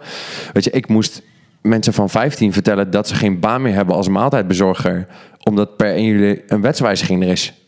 En ook mensen die, waar ik niet per se praktisch een hele goede band mee heb, maar die ik wel echt heb zien groeien binnen mijn bedrijf. Dus dat vind ik dan zonde als ik ze die kans een soort van ontneem. Zeker als het niet mijn fout is of zo. Ja, gewoon buiten jouw macht om. Ja, moest, weet je, ik had, moest zo zijn. Ja, ik had een jongen die kwam echt heel, eh, heel, nou, die kwam gewoon als 15-jarige binnen. En over het algemeen zijn 15-jarigen nou niet de meest, die blaken niet van zelfvertrouwen, die blaken niet van, weet je, ze hebben of grote bek of ze zijn stil. Weet je, er zit vaak nog niks tussen. En die grote bek is dan omdat ze eigenlijk niet zo goed durven. Dus dan wordt het een soort van masker. Ja. En deze jongen had zich echt supergoed in de groep ontwikkeld. En die deed super erg zijn best. En deze jongen had ik laatst aangeboden om op kosten van mij zijn brommerrijbewijs te halen. Zodat hij weer een extra groeistap had, weet je al. En in die week dat hij dit boekt... eh, moet ik hem dus ook gaan vertellen dat hij niet meer terug kan komen. Ook omdat nog het nare is. Ik dacht eerst dan haal ik hem naar binnen. Dan kan hij gewoon pizza's bakken. Ja. Maar 15-jarigen mogen dus ook niet met machines werken. Dus die mogen ook niet naast en over staan. Ja, oké, I'm fucked. Ja, dan kan hij gewoon eigenlijk niks doen. Ja, Nou ja, voor een dat. jaar wachten. Ja, en nu had ik wel een goed gesprek met hem. Maar ik dacht wel, ja, er is wel een soort van afstand tussen mij en mijn mensen. Omdat ik het heel lastig vind om mijn leiderschap niet in de weg te zitten. Dus eh, mijn grootste struggle is... Oké, ik had laatst dit gesprek met mijn managers. Er waren een hele hoop dingen waar ik tegenaan liep waar ik niet aan toe kwam. Ik moest een nieuwe toiletdeur installeren. Ik moest wat dingen vervangen. Gewoon dingen die ik ingewikkeld vind, dus die stel ik dan uit. Maar ik heb wel het gevoel dat ik er dan moet zijn. Dus ik was dan elke keer op de werkvloer een soort van voor jack shit. Want ik heb twee shiftleaders staan. En deze gasten zijn mijn Hugo's. Ja. Dus deze jongens zijn echt al lang beter dan ik. En dat gevoel had ik al een tijdje dat ik daar wat mee moest. Ik wist nog niet alleen zo goed wat. Totdat op zondag draaiden wij een spits. En ik zeg tegen een van de jongens, Jari heet hij. Jari, kun je even de vloer vegen? En hij kijkt me aan en hij zegt... Maat, ik ben onderweg naar de fucking bezem. En toen dacht ik... Waarom sta ik deze gast dit te vertellen? Ze, als, ik er, als ik er niet ben... Ja. Bel ik hem niet naar de spits of hij geveegd heeft. Dit kan die. Ja. Als ik binnenkom is die winkel netjes. Zij werken beter met deze jongens omdat ze er elke dag mee staan. Weet je? Dus eh, laat dit los. Dus toen heb ik een gesprek met hun gehad. Zo, hey jongens, op zondag werken we samen. Dan zeggen elke fucking zondag werken we samen. Het is eind van de week, drukste dag. En dit is ook ons reflectiemoment. Waar zijn we tegenaan gelopen? Eén keer in de twee weken hebben we een meeting. Eh, de rest van de week draai deze fucking show. Want jullie doen dit al lang beter dan ik. Toen ik jullie leeftijd had, vond ik dit heel interessant. Om de beste pizzabakker te zijn. Weet je, om te groeien. Nu vind ik het juist super gaaf dat ik twee jongens heb die dat graag doen. Weet en die dat Ja. zijn. Die mijn Hugo's zijn en de beste pizza's willen maken. En ik merk dat zij gewoon veel betere leiders zijn dan ik ooit geweest ben. Zeker zo praktisch met, met deze gasten. Ja. Ze organiseren veel beter, doen, leveren betere service, zijn super veel relaxter, zijn echt fucking veel sneller. Ik word echt oud, weet je wel, in, in dat opzicht. Maar ik blijf wel struggelen met met dit, weet je. Ik voel soms echt wel een afstand met mijn team. Dat Ja. vind ik wel lastig. Ja. Ja, ja. En dus bedankt voor dit inzicht, want dit is voor mij ook weer zo... Oh ja, maar soms moet je het ook gewoon niet zo moeilijk maken. Snap je? Ja. Ik denk dat we het überhaupt vaak te moeilijk maken voor onszelf. Met Zeker. allerlei problemen. Zeker. Dat je vaak ergens langer tegenaan hikt. eh, dan dat het daadwerkelijk kost om een probleem op te lossen. Ja. ja, zeker. Wat is jouw grootste uitdaging in leiderschap? Eh goeie vraag. Ik zou eigenlijk nu meteen een antwoord moeten hebben. Dan weet ik waar ik aan moet werken. Wat is mijn grootste uitdaging? Ik vind het sowieso... Ja, dat weet ik wel echt voor mezelf. Ik vind het moeilijk om in de plek waar ik leiding geef... ehm, te laten zien dat ik het heel zwaar heb een keer of zo. Dat ja. ik er doorheen zit. Gewoon een, een, een eh, tijd van eh, zwakte of kwetsbaarheid laten zien. Dan denk ik, ja, weet je, ik wil hen er echt niet mee opzadelen. Nee. Want dan ben ik bang dat het bijeffect is dat ze denken... ja, eigenlijk speelt dit en dit eh, in de zaak... maar laten we maar niks tegen Matt zeggen... want hij is wel heel moe de laatste tijd... hij heeft een Oh, verhuizing ja. gehad... en weet je wel, we zeggen maar niks. Dus daar hou ik sommige dingen echt voor me. Ja, is kwetsbaarheid. Zodat Eh, zij geen dingen voor zich houden. Ja, precies. Zodat zij eh, geen drempel voelen om mij te approachen. Ehm, en terwijl ik het zo uitleg, zou je zelfs denken... ah, best wel goed, weet je. Deel die dingen dan gewoon met een hele andere vriend... die eh, eh, om jou geeft, maar eh nou, andere plek. Toch merk ik dat ik dan wel eens achteraf hoor... dat als ik een keer door iets heen ben gegaan... en ik deel dan achteraf... dat eh, collega's me aankijken van... yo, waarom deel je dat niet met ons? Ja, we zijn er voor je. We waren daar gewoon in, die, in die periode in je leven en je hebt dat niet eens gezegd. Nee. Waarom doe je dat niet? Nee. Eh, en dan zie je dat je eigenlijk dus toch een beetje, nou, je, je zit jezelf onnodig eenzaam te maken. Dat is trouwens sowieso een neiging die veel leiders hebben om zichzelf alleen te maken. Zeker. It's lonely at the top, zeggen we dan. Ja. En dat is Dat is echt gewoon niet, een excuus voor niet dat is zijn. vaak een, een, een, een situatie die je zelf creëert. Ja, dat ja. Door te stoppen met open zijn, door te stoppen met delen, door zelf een keer te zeggen: ik, ik heb een zwakke week of Ja. ik zit erin, ik heb er eigenlijk geen zin. Ja, dit snap ik wel. Dit ben herken ik ook wel. ben, ja. Ja, ja en dat, dat, wat, wat gebeurt er dan op zo'n vloer als je dat niet deelt? Want, laat me zeggen, sorry, even situatieschets. Zeker als je bijvoorbeeld moe bent of opgebrand of zo, word je ook niet een betere of een leukere leider van. Dus ze zullen er, toch, ze zullen, tenminste, dat heb ik zelf, ze zullen er last van hebben. Ja. In die zin. Dus er is ook geen begrip. ja, Ja, dus dat is het negatieve bijproduct. Ja. Dat mensen niet weten waarom je, je e-mailtjes korter af zijn of waarom je zo somber kijkt. En Mhm. ehm, ja, eigenlijk stop. Dus juist terwijl je probeert eh, die ander te kennen, Ja. sta je het niet toe dat ze jou echt kennen op Nee. het moment dat het eh, zwak is. En, dan, en dat vind ik zo boeiend, hè? Als ik eh, zelf mensen ken tegen wie ik op kijk, of Ja. die ik zie als een leider waar ik naar volg, kan ik het zo waarderen en inspireert het mij om te horen waar zij tegenaan lopen, Ja, of waar dat- zij Ja. zwak in zijn, of zelfs echt, of slechte gewoontes misschien zelfs hebben, weet je wel?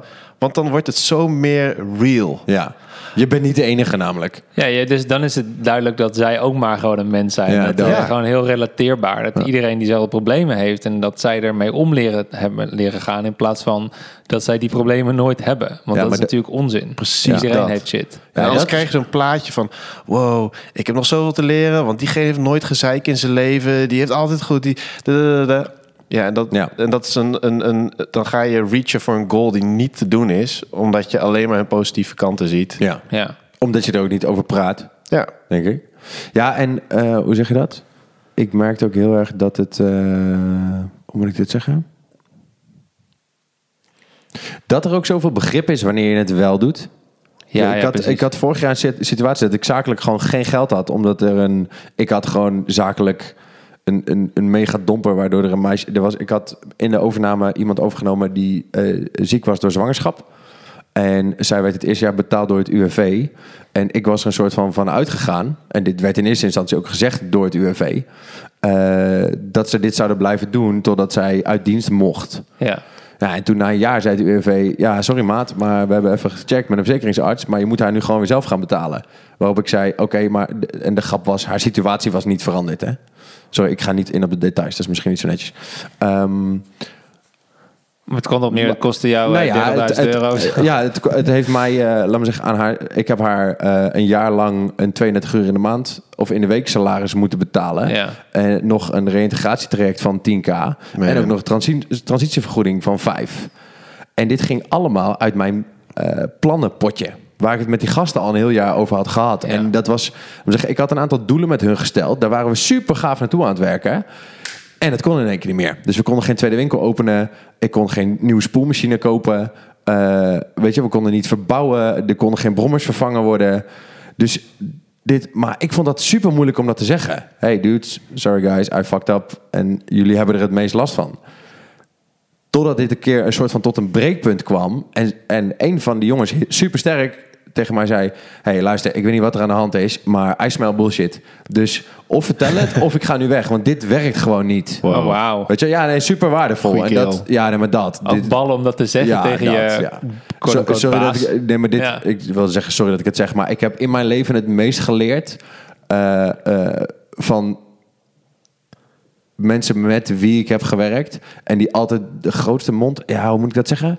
Gewoon people die Scherp, die prikken er doorheen. zeg eerlijk, maar. gewoon Ja. fucking eerlijk. Ja. Gewoon mensen die niet denken, ik zeg dit niet, want je bent mijn, mijn baas of zo. Mhm. En als ik nu eh, met mijn nieuwe managers, de jongens die, waarmee ik nu werk, zeg ik dit ook altijd. En pak ik ze ook wel eens één op één. Wat vind je als ik het voel? Weet je, als ik denk, hey, hij vindt iets, maar hij zegt, ja, oké, is goed. Oké, vind je me nu een lul? Ja, misschien een beetje. Oké, je vindt me dus echt een teringleier. Weet je wel zo, dan ga ik het gewoon uitgraven. Hè? Omdat ik moet af en toe... Ja, je hebt dat denk ik ook wel. Je moet af en toe horen ook dat je dingen niet goed doet. Ja, zeker. Of Toch? niet? Ja, true. Snap je? In de zin, ik wil af en toe... Man. Soms, soms weet ik het wel, totdat iemand zegt... Mats, dit kan niet meer zo. Ja. Ik moet, nu moet je het regelen, want ik word er nu gestoord van. Ja, herkenbaar. Ja, en dat eh, levert altijd wel goede. Daar is wel veiligheid voor nodig dat iemand dat ook tegen je durft te zeggen. Ja, zeker. Want je moet als leider het ze dan ook niet verwijten. Of in, in verweer gaan. Of, nee, maar dit heb ik... Ik Ja. heb wel eens gewerkt met iemand die dan zei... Nee, maar je kan toch alles tegen me zeggen? Totdat ik dat een keer deed. En toen heb ik drie weken ruzie met hem gehad. Ja, Ja, niet dus. Nee, ja, nee, niet dus. En toen werd hij daarna kwaad dat ik nooit meer dingen deelde. Ja, dat... Ja, dat is lastig. Nou ja, je moet het ook zien naar jezelf. Kwetsbaarheid is ook wel ingewikkeld. Ik kan ook nog steeds kwaad worden over dingen of het gaan uitleggen. Maar wat... Eh, ja, het is een soort van- nou, dat vond ik wel. eh, maar dat liet je mij een tijdje geleden eh, een keer zien. Eh, dat was van ehm, eh, Simon Sinek. En ik weet niet of hij dit ont- ontwikkeld had of dat hij dit. hij legt het in ieder geval uit. de FBI. FBI-methode. Dus feeling, behavior eh, Impact. en impact. Dus ehm, ik voel me zo. Dat zorgt ervoor dat Voor dit gedrag? dat het dit gedrag gaat komen. Nee, dat komt door dit gedrag. Oh ja, oh ja. Ik voel me zo. Dat komt door dit gedrag van iemand dus. Ja. En als dat zo blijft doorgaan, dat gedrag, dan is dit de impact. Ja. Alleen dat delen.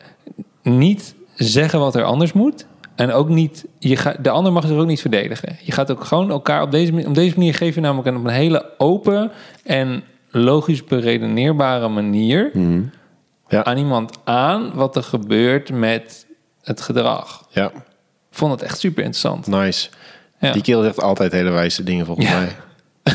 Ja, maar hij heeft ook een soort van zijn levensmissie ervan gemaakt om leiderschap zoveel mogelijk uit te diepen en dat zoveel mogelijk over te dragen. Ja. Zo gaaf. Staat hij al op ons lijstje of nog niet? Eh, die is wel mijn b-hack, ja. ja, ja.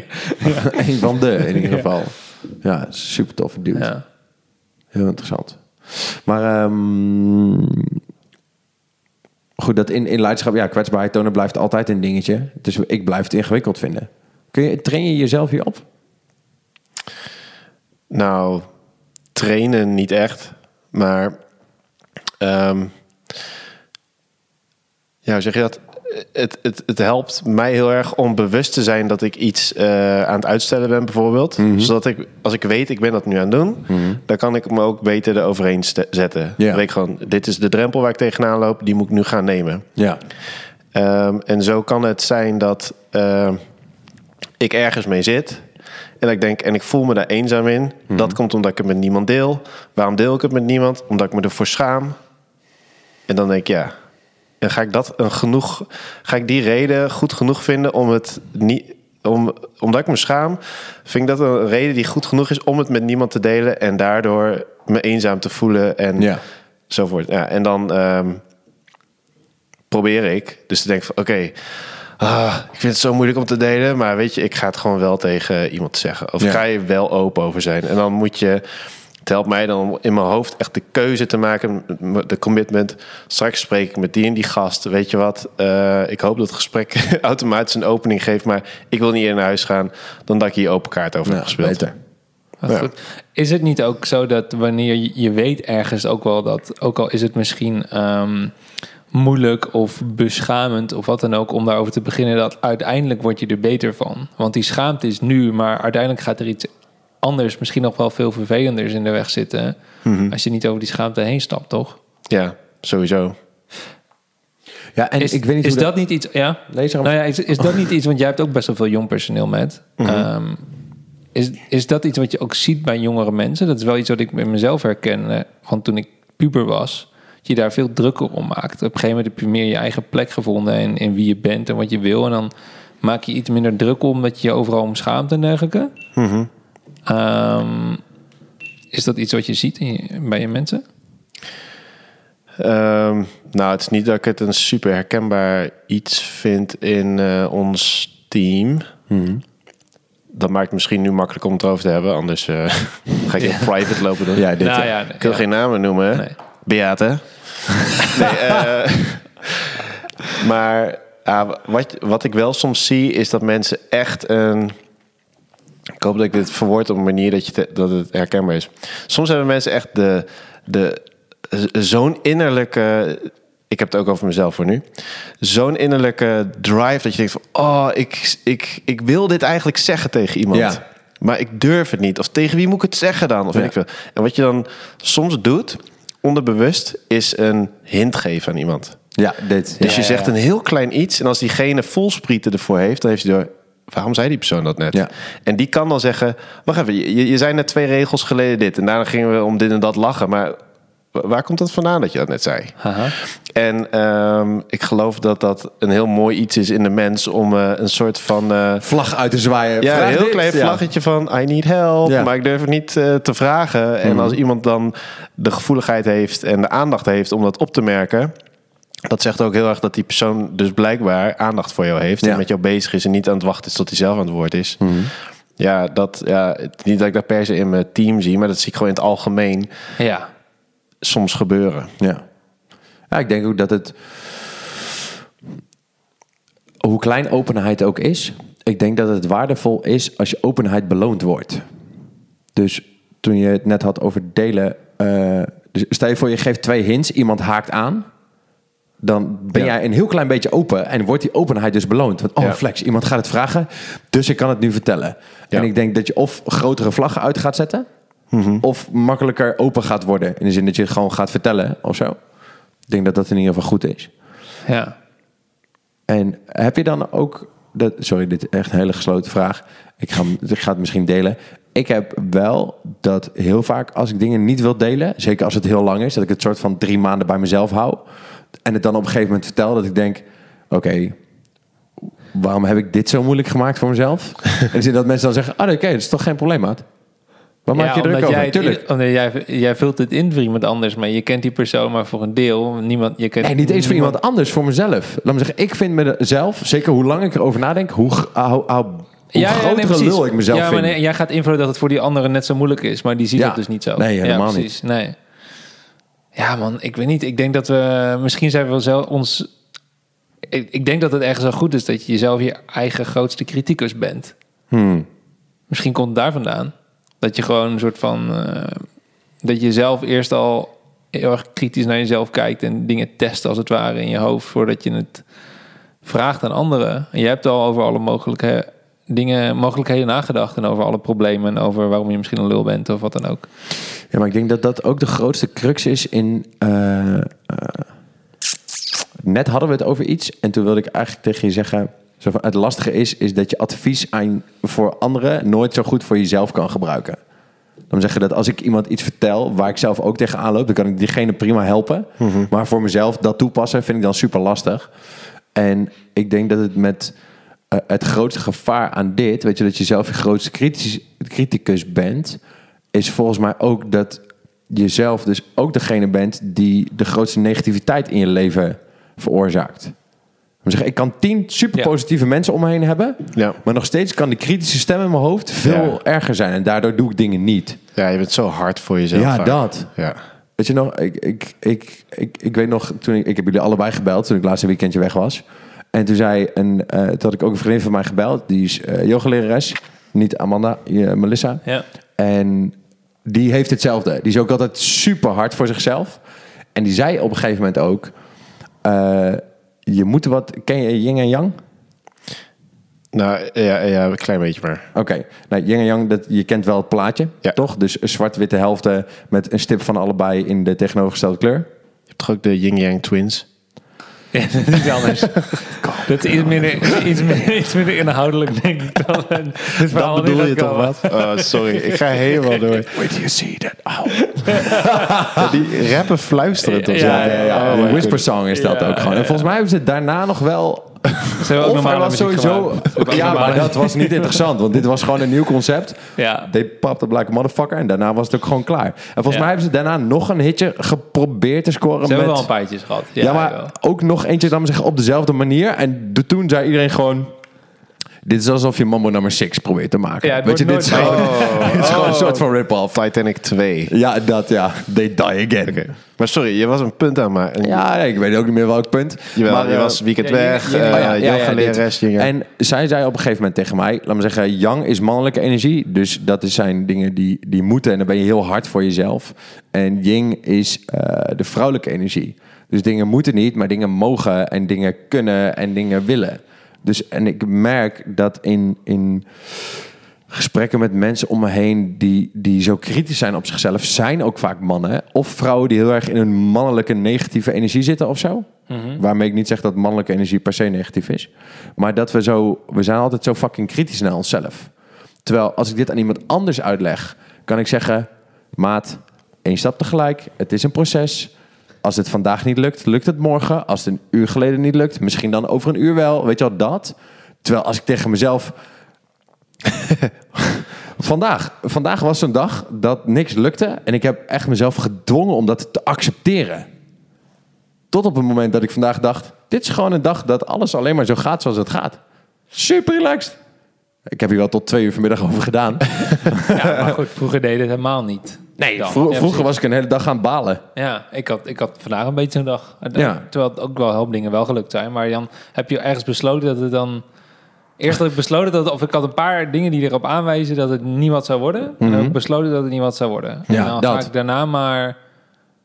Ja, dan vind je daar alleen maar bewijs in. Ja. En dat is natuurlijk... ja, dan moet je dat, self-fulfilling prophecy bijna. ja, Ja, en dit, dan ja. kun je dat weer uitzetten door gewoon te vinden dat het anders is. En dan Ja. gaat het weer goed. Ja.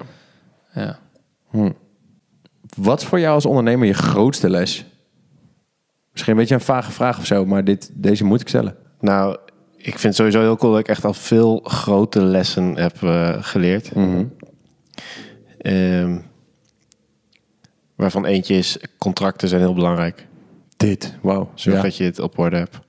Eh, dat, ehm, oh, de zwaarste les misschien om te leren... is dat mensen soms echt niet te vertrouwen zijn. Mhm. Ik ben echt optimistisch. Ik ben een mensenmens. Ja. Ik ben heel erg van het vertrouwen. Mhm. Ik vond echt na om te komen dat mensen die ik echt 100% vertrouwden... Mhm. dat het slecht was dat ik dat deed op dat moment. Ja, dat shit, was een grote les. Ik bouw op naar de grootste les. Ja. Wait for it. Ehm, En ik denk dat de grootste les, waar ik echt van terwijl ik het aan het leren ben, dat ik elke keer versteld sta van wow, is de invloed die je kunt hebben als ondernemer. Ja. En ik denk dat het niet alleen ondernemer is, maar dat ook zit in, eh, in andere dingen. Ik, ik, ik blijf gefascineerd raken over de invloed die je als, als single person soms kan hebben. Eh, want we, we hebben allemaal van die dooddoenertjes. Hè, van ja, als je dit of dat doet, het is een druppel op een gloeiende plaat. En dat wordt altijd gezegd nadat iemand iets een heel tof initiatief Iets eigenlijk heeft gedaan. ja, ja, ja. En dan, ja, het is uiteindelijk een druppel op een gloeiende plaat. Ja, oftewel, wat je daar eigenlijk mee zegt, is het heeft eigenlijk geen, zin. Ja. Ja, lekker motiveren. Ja, Ja, dus en we zeggen- hoeft geen afval te scheiden, want niemand doet het. Dat. Ja, en ook van ja, als, alsof ik de wereld kan veranderen. ja, ja je kan, En- bro. Ja. Ja, eh, ik heb echt geleerd en ik denk dat ik er nog heel veel bevestiging op die les ga krijgen, dat ik het nog dieper snap. Dat je wel, iemands wereld kan veranderen. Je kan iemands wereld veranderen. Dat heb ik meegemaakt met die Johnny. Ik kan gewoon 100% van overtuigen dat ik... Ja, weet ik veel. Mijn leven had echt een andere route genomen... als die gast niet af en toe had gezegd... Yo Matt, zullen we toen bestond VND nog. Mhm. Zal ik binnenkort langskomen? Gaan we bij de VND bij Laplace uh, een koffietje doen. Ja. En uh, ja, het vond het heel lekker appeltaart. Daar gaan we dat vreten. Oeh, met noten. En dat een of andere guy is tegen wie ik zo opkijk... die bereid is om een uur te komen rijden naar Apeldoorn... in zijn drukke leven een, uur, een extra uur vrij te maken... om met mij te gaan zitten... En van die uh, gesprekken met me te hebben en wijsheden te droppen en goede vragen te stellen waar ik mee aan de gang ging. Ik kan echt zeggen, die gast heeft mijn leven veranderd. Ja. En je ziet nu dat het zelfs, dat de invloed ook nog eens is, niet alleen op mij, maar nu, we zijn uh, nu 15 jaar later of zo, dan dat ik die contacten met hem had, hebben we het er nog steeds over. Ja. Misschien inspireert het iemand, misschien inspireert het niemand, maar dan, ik ben nog steeds dingen die hij mij leerde aan het uitwerken bij ons, bij schenkers op de vloer. Ja, tof. En dan krijg ik wel eens te horen van, weet je met, wat ik zo vet vind, is uh, hoe jij daar en daarmee omging. En dan Ja. denk ik, dat heb ik geleerd van Johnny. Ja, tof. En die gast heeft geen idee dat omdat hij die impact bij één persoon maakte bij mij en iemands leven, wereld veranderde, dat het daarna keer 15 ging toen die gast het in zijn bedrijf ging doen met bijvoorbeeld 15 mensen. Ja. Ja, dat, dat vind ik apart. Ik had gewoon nooit gedacht dat dat eh, zo kon. Dat de ripple effect zo groot is. Ja, en je vraag was eigenlijk: wat heb je geleerd? eh, wat is je grootste les als ondernemer? Ja, ik vind het gewoon bijzonder hoe je als ondernemer. eh, nou, ik, ik heb dan een shop in de binnenstad. Mhm. Dat je bepaalde relaties opdoet. Dat mensen willen weten wat je van iets vindt. Ja. Eh, dat eh, ze bemoedigd eh, worden als je een keer, weet ik veel. Ja, ehm, ik, ik had het gewoon nooit gedacht. Dat, je cool. zoveel in, dat je zoveel kan betekenen voor iemand. Laatst bestond Schenkers vijf jaar. Mhm. En toen stiekem hebben ze achter mijn rug om een video gemaakt. Ja. En eh, de, de vraag... Wacht, daar zit jij zelf ook in, Mats? ja. Ze hadden allemaal eh, oud-werknemers, eh, vrienden en vaste gasten gevraagd... eh, oh ja, iets van maak deze zin af. Ik hou van schenkers, want... Want, ja. En toen kreeg ik echt zo'n super lange testimonial video... waar allemaal mensen zeggen waarom ze van schenkers houden. En nou, er zat één iemand tussen en die zei echt van... ik kan echt met oprechtheid en eerlijkheid zeggen... dat de, het feit dat ik zoveel jaar bij schenkers heb gewerkt... heeft echt mijn leven veranderd. Wauw. Ja, dat was echt tof. een moment dat ik Ja. dacht, no way. He- Heeft het feit dat jij hier in een koffiezaak gewerkt hebt voor een paar jaar... je leven veranderd? Ja, wauw. En ehm, ja, ik vind dat heel gaaf. En ik vind dat, eh, ja... Dat, dat heeft me op dat moment ook geholpen. Want we, waren, we bestonden vijf jaar midden in die coronacrisis. En dan niet meteen het begin van de crisis, maar toen hij een maandje bezig was. Mhm. En ik door al mijn eh, resources heen gebrand was. Ja. En dat ik echt niet meer wist... is het nu verstandig om door te gaan? Of is het verstandig om alles dicht te gooien... niks meer uit te betalen... te en maken, kijken ja. of we het kunnen halen? Ja. En ik sliep Slecht. heel slecht. Ik maakte me zorgen. En, en toen kreeg ik de vraag, waarom doe ik dit eigenlijk? En toen kwam dit. Ja, vet. En dat was, en daarom doe je het. Ja, toen wist ik weer, oh ja, ik ben helemaal niet bezig met een horecazaak. Dit is een van de redenen waarom ik hier ingestapt ben. En eh, om dan die testimony te horen van, en dat lukt. Ja, Iemand cool. is super dankbaar, weet je wel. Vaak hoor je mensen met afgunst een beetje praten over hun vorige baan. En eh, ja, ik, ik, ik vind dat super cool. Ah, tof, man. Ja. Gaaf. Nice. Vet Ja. man. Wicked. Ja. Gaaf. Thanks. Yeah. Mooie- Jullie bedankt. Ik Mooie had eindboodschap, denk ik. Ja. Ja, ik vind het ook echt cool. Ik had het al op je kaartje gezet, maar eh, voor de rest om te horen. Ik vind het super cool dat je allemaal tijd, energie, geld in al deze spullen steken om, eh, om, dit zo, om deze mensen erbij te halen, om mensen te interviewen, goede vragen te stellen, zelf inspirerende dingen erin te gooien. Dat eh, bedankt namens luisteraars, waarvan ik eentje ben. Dankjewel. Graag gedaan. Echt super ik denk ook dat dat, dat maken we met elkaar mogelijk, hè?